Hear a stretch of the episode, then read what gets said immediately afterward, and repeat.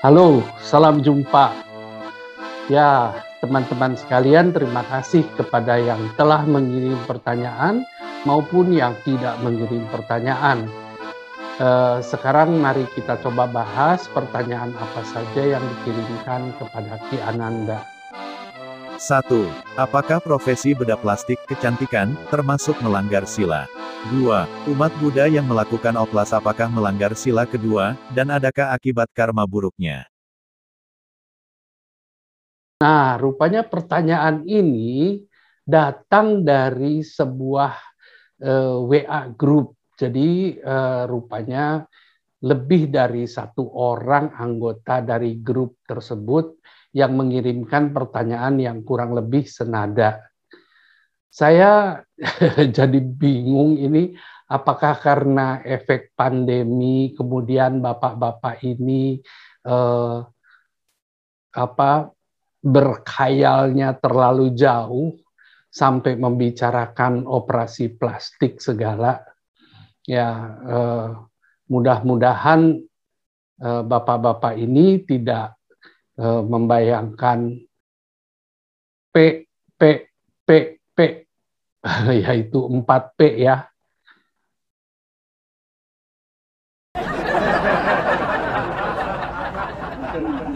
Sebenarnya kalau kita ngomong operasi plastik, itu adalah untuk mengubah suatu eh, keadaan menjadi keadaan yang lebih baik.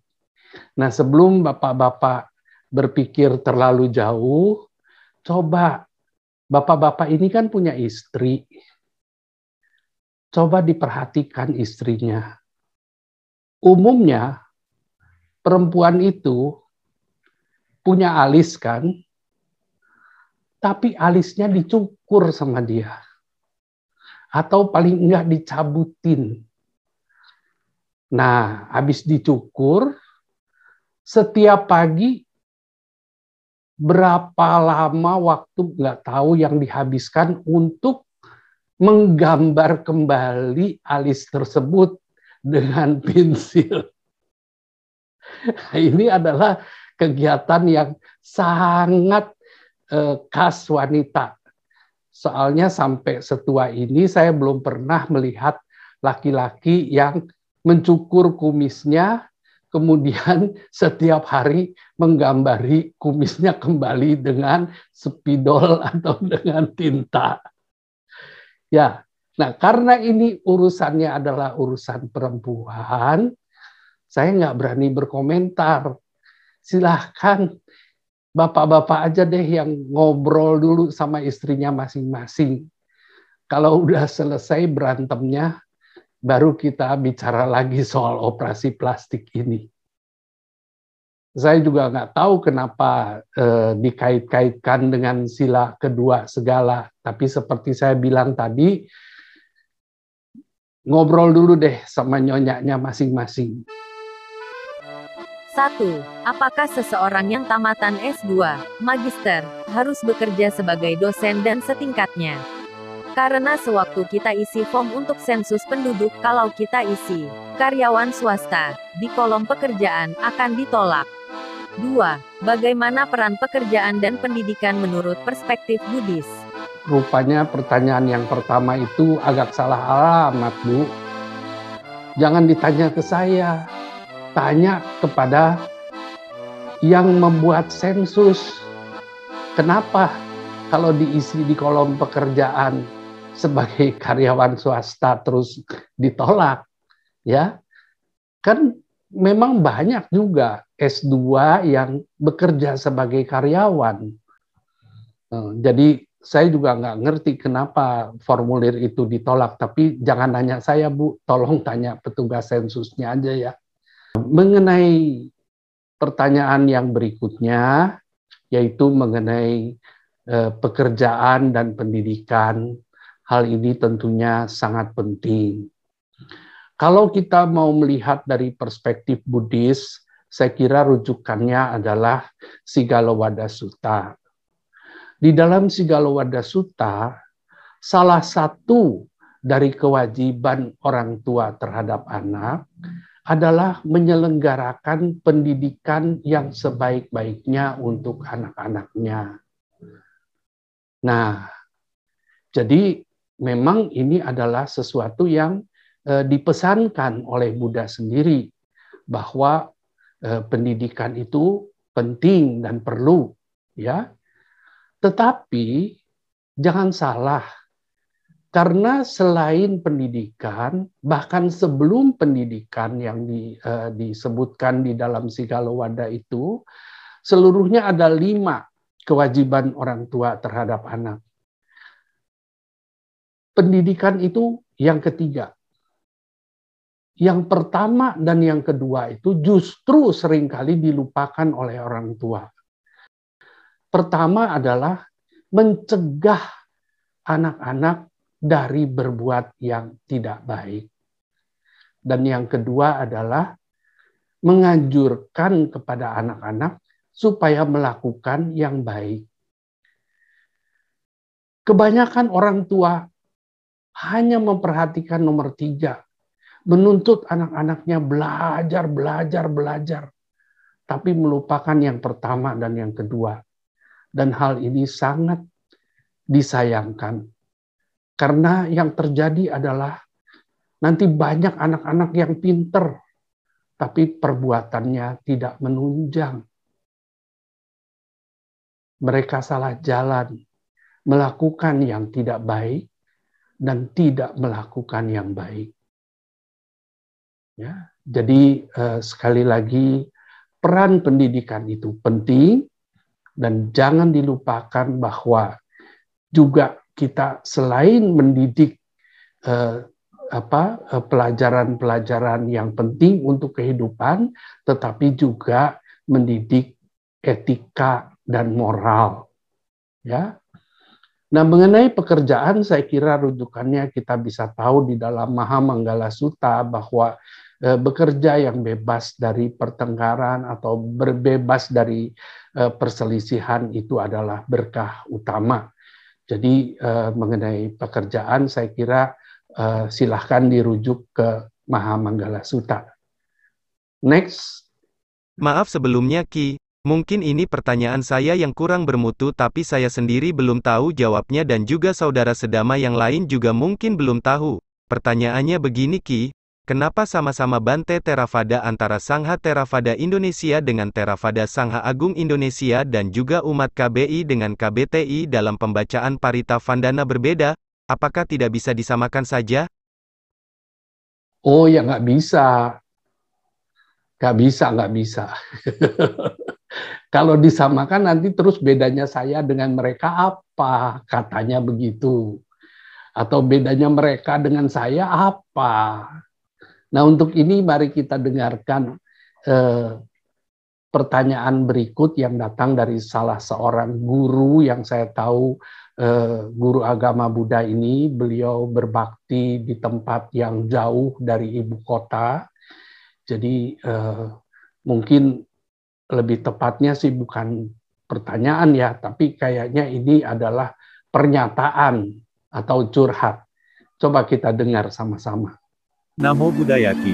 Pertanyaan, Sang Buddha selalu mengajarkan Dhamma dengan berbagai bentuk bahasa dan cara yang berbeda-beda. Namun pada hakikatnya tujuannya satu yaitu mencapai Nibbana. Sehingga saat ini di dunia bahkan di Indonesia banyak sekali aliran dan mazhab yang berbeda-beda termasuk organisasi Sangha. Mengapa mereka tidak bisa bersatu? Bahkan karena kepentingan organisasi terkadang masih mengutamakan ego. Kadang timbul perselisihan apalagi yang merasa punya kekuatan uang banyak supaya pengen diakui. Ini loh saya. Umat Buddha menjadi terpecah-pecah. Padahal jumlahnya tak banyak dan hakikatnya tujuan kita semua adalah mencapai pencerahan Nibbana. Coba kalau agama Buddha di Indonesia ini bisa bersatu pasti akan kelihatan rukun dan maju. Terutama yang punya uang banyak pengusaha dan termasuk Sangha. Mohon pendapatnya Ki. Nah, kalau ditanya pendapat Aki, ya mau bilang apa lagi? Ya kita harus tepos liro lah masing-masing. Coba masing-masing melihat eh, apa yang terbaik untuk dirinya. Masih ada satu pertanyaan yang juga ditanyakan oleh penanya yang sama, silahkan. Apakah peraturan biku antara STI dengan Sagin yang mazhab Theravada berbeda? Terima kasih Ki sebelumnya. Ya, sebetulnya winayanya sama. Yang berbeda adalah cara menafsirkannya. Kurang lebih seperti orang buta yang megang gajah lah sama-sama buta tapi karena yang satu megang belalai, yang satu megang kuping, yang satu megang kaki gajah, maka pendapatnya berbeda-beda. Ya saya juga nggak tahu eh, bagaimana ini eh, apa pendapat eh, tafsiran yang berbeda-beda ini, tapi saya justru mau tanya kepada bapak yang bertanya, bapak nanyain kenapa mau jadi anggota sangga? Kalau nggak mau jadi anggota sangga ya udah nggak usah tanya-tanya deh. Itu urusan mereka, biarin aja. Ya, kita jeda sebentar eh, supaya jangan terlalu eh, apa terus-terusan ngobrol ya. Mari kita kembali menyadari eh, keadaan kita pada saat ini, napas kita. Kita kembali ke napas.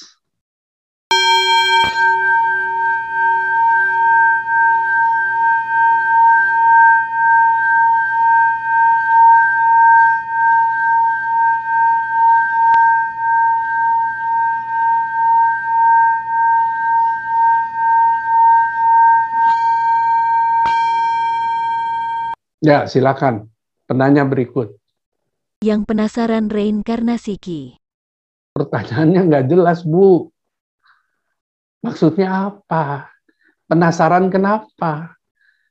Mau lahir kembali di mana, Ibu? Kok penasaran? Ya, eh, kurang lebih mungkin maksudnya adalah eh, penasaran pengen tahu soal reinkarnasi. Nah, kalau pengen tahu soal reinkarnasi, coba baca aja buku eh, yang menceritakan tentang reinkarnasi dari Lama Yese yang kemudian uh, orang Tibet yang kemudian lahir lagi di Spanyol sebagai uh, Osel Hita Torres ya uh, Osel Hita Torres ini kemudian mengikuti uh, menjadi lama juga tetapi kemudian uh, akhirnya beliau sekarang uh, keluar kembali ke masyarakat dan menjadi uh, orang umat awam biasa. Uh, bukunya uh, udah cukup lama, tapi barangkali masih bisa dicari di Shopee atau di toko-toko online lainnya. Uh, coba aja deh dicari. Uh, Ibu ini masih punya satu pertanyaan, silahkan Bu. Cara fokus bermeditasi, memusatkan pikiran. Uh, kalau ibu rajin mengikuti video-video saya, biasanya ada video bimbingan dari para meditator, baik uh, uh, Romo Ari atau uh, lainnya. Silahkan uh, di search aja Bu di uh, YouTube channel Ki Ananda ini, uh, search aja meditasi, nanti uh, terlihat playlistnya ada beberapa video, silahkan Ibu mengikuti. Berikut, berikut. Pertanyaan berikut, silahkan. Mari Bu. Aki, anak-anak sekarang aneh. Kalau lagi ada masalah dengan orang tuanya suka berkata, saya gak minta dilahirkan dalam keluarga ini. Menurut Aki, gimana ya? Nah itu, itulah yang terjadi kalau orang tua hanya menekankan mengenai pelajaran sekolah, keilmuan saja, tetapi tidak membekali anak-anaknya secara cukup dengan pengertian yang baik. Ya. Sebenarnya tidak ada yang kebetulan di dunia ini. Bahwa seseorang bisa lahir di dalam satu keluarga itu adalah karena dia mempunyai karma yang cukup, yang cocok dengan keluarga tersebut. Baru dia bisa lahir di sana dia mungkin tidak mendapatkan kemewahan atau kemuliaan seperti lahir di keluarga bangsawan, tetapi hendaknya dia bersyukur bahwa dia bisa terlahir di dalam keluarga yang penuh cinta kasih, yang mempunyai eh, cukup sarana untuk menjaga dia dari kelaparan, kedinginan, kehausan, eh, dan tidak eh, lahir di keluarga yang lebih menyedihkan keadaannya. Ya. Selalu kalau dia berkaca, kalau anak ini mau bercermin, dia akan melihat bahwa sebagian dari ibunya, sebagian dari ayahnya ada di dalam dirinya. Dia tidak bisa melepaskan karena memang tubuhnya itu berasal dari keturunannya, dari leluhurnya bahkan. Mungkin sebagian dari eh, benih kakek atau neneknya atau bahkan buyutnya bukan saja benih-benih yang baik, tapi mungkin juga eh, benih-benih penyakit keturunan yang dibawa oleh dia. Jadi dia tidak bisa melepaskan diri dari keluarga. Dia bisa menyangkal seperti apa, tetapi dia tidak akan pernah bisa mengingkari kenyataan bahwa dia memang terlahir dari keturunan leluhur-leluhurnya. Oke, pertanyaan berikut. Saya sudah tahu jawabannya tapi banyak umat Buddha yang tidak tahu jawabannya. 1. Umat Buddha adalah umat yang pesimis karena menganggap hidup ini adalah dukkha. 2. Umat Buddha tidak percaya kepada Tuhan. 3. Umat Buddha munafik.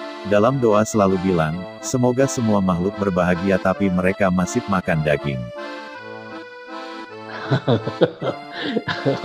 bapak, Bapak.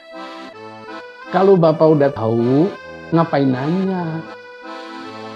Kira-kira Bapak ini sama deh seperti eh, penanya yang berikut ini. Sebetulnya beliau nanyanya jauh eh, belakangan, tapi saya tarik ke sini supaya digabung aja eh, karena eh, beliau juga mengatakan hal yang sama. Mari kita dengar. Namo Buddhaya Aki, mau bertanya Aki untuk meramaikan YouTube Aki. Buddha mengajarkan kita untuk menghindari pembunuhan makhluk hidup dan menghargai kehidupan. Apakah Buddha mengajarkan kita untuk tidak mengkonsumsi daging vegetarian? Thanks Aki. nah, kan ada pertanyaan-pertanyaan yang kata Buddha juga tidak perlu dijawab.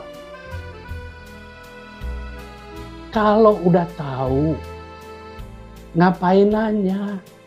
Kalau cuma sekedar buat rame-rame, ngapain juga dibicarakan?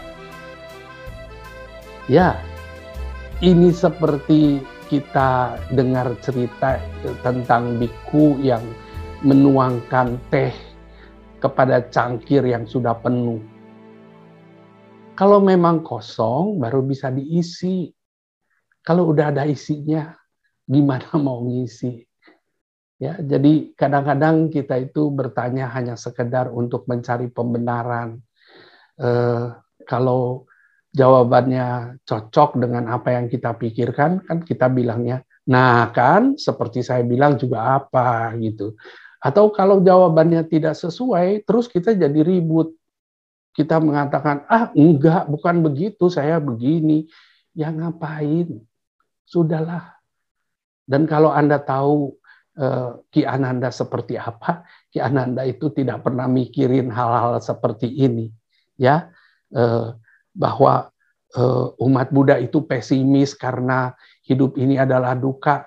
EGP, emangnya gue pikirin, ya umat Buddha itu tidak percaya kepada Tuhan.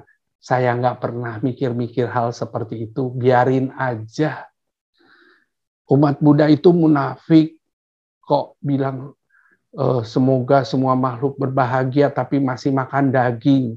Terus katanya Buddha mengajarkan kita untuk menghindari pembunuhan. Tapi kenapa Buddha tidak e, mewajibkan kita untuk vegetarian?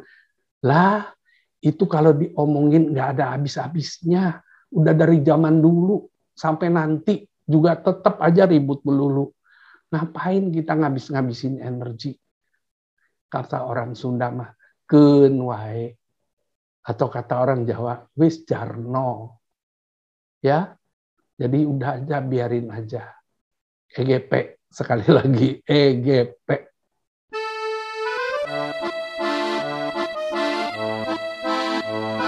Saya pribadi ingin mengajukan pertanyaan yang klasik dan sekaligus tiga dalam satu paket. 1. Mengapa kita dilahirkan ke dunia ini?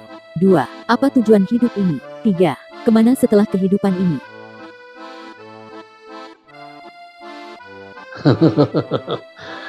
Ibu, nanya kok pakai paket segala. Musim ya? Emang kata yang paling merdu sekarang ini adalah paket. di mana-mana kedengeran begitu ya. Paket. Ya. Sekali lagi saya tidak pernah berpikir mengapa kita dilahirkan ke dunia ini. Ke mana setelah kehidupan dunia ini? It is something beyond our uh, capacity to think ya itu di luar kemampuan kita untuk berpikir hal-hal tersebut tapi pertanyaan ibu nomor dua itu penting juga yang tadi bilang eh, apa tujuan hidup ini nah menurut saya ini menurut saya sekali lagi eh, boleh aja sih kalau ada yang lain mengatakan lain lagi ya terserah ya tapi menurut saya hidup ini adalah untuk supaya berguna bagi orang lain. Hendaknya hidup kita ini bukan sekedar numpang ngombe atau mampir ngombe atau mampir minum kata orang Jawa. Tapi untuk menjadi berguna bagi orang lain. Bahasa Jawanya migunani tumraping lian.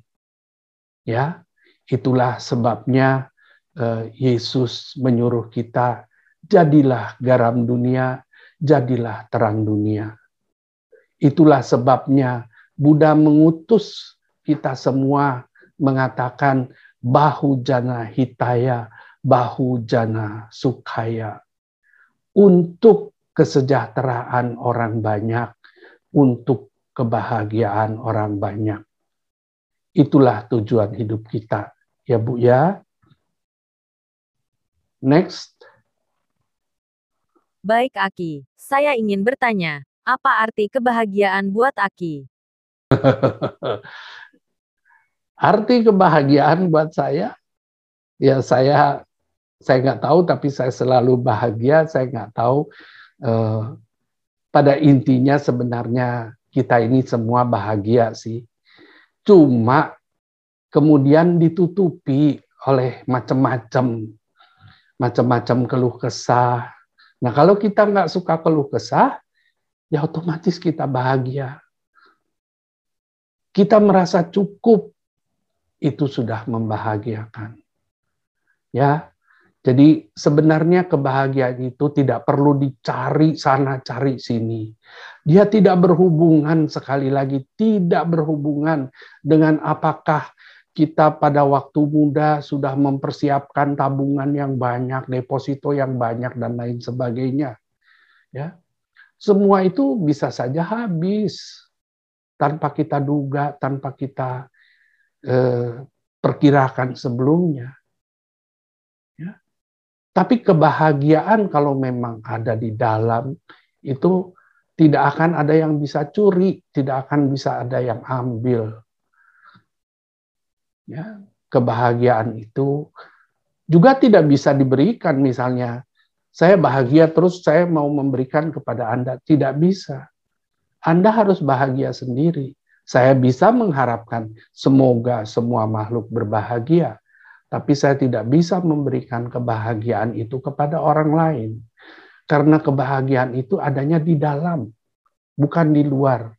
Bukan pada hal-hal yang di luar, bukan tidak masalah di mana pun Anda berada, eh, dalam keadaan apa pun. Kalau Anda memilih untuk bahagia, tidak ada seorang pun yang bisa membuat Anda jadi tidak bahagia. Tapi kalau Anda memilih untuk tidak bahagia, ya begitulah. Tidak ada seorang pun yang bisa memberikan kebahagiaan kepada Anda. So be happy.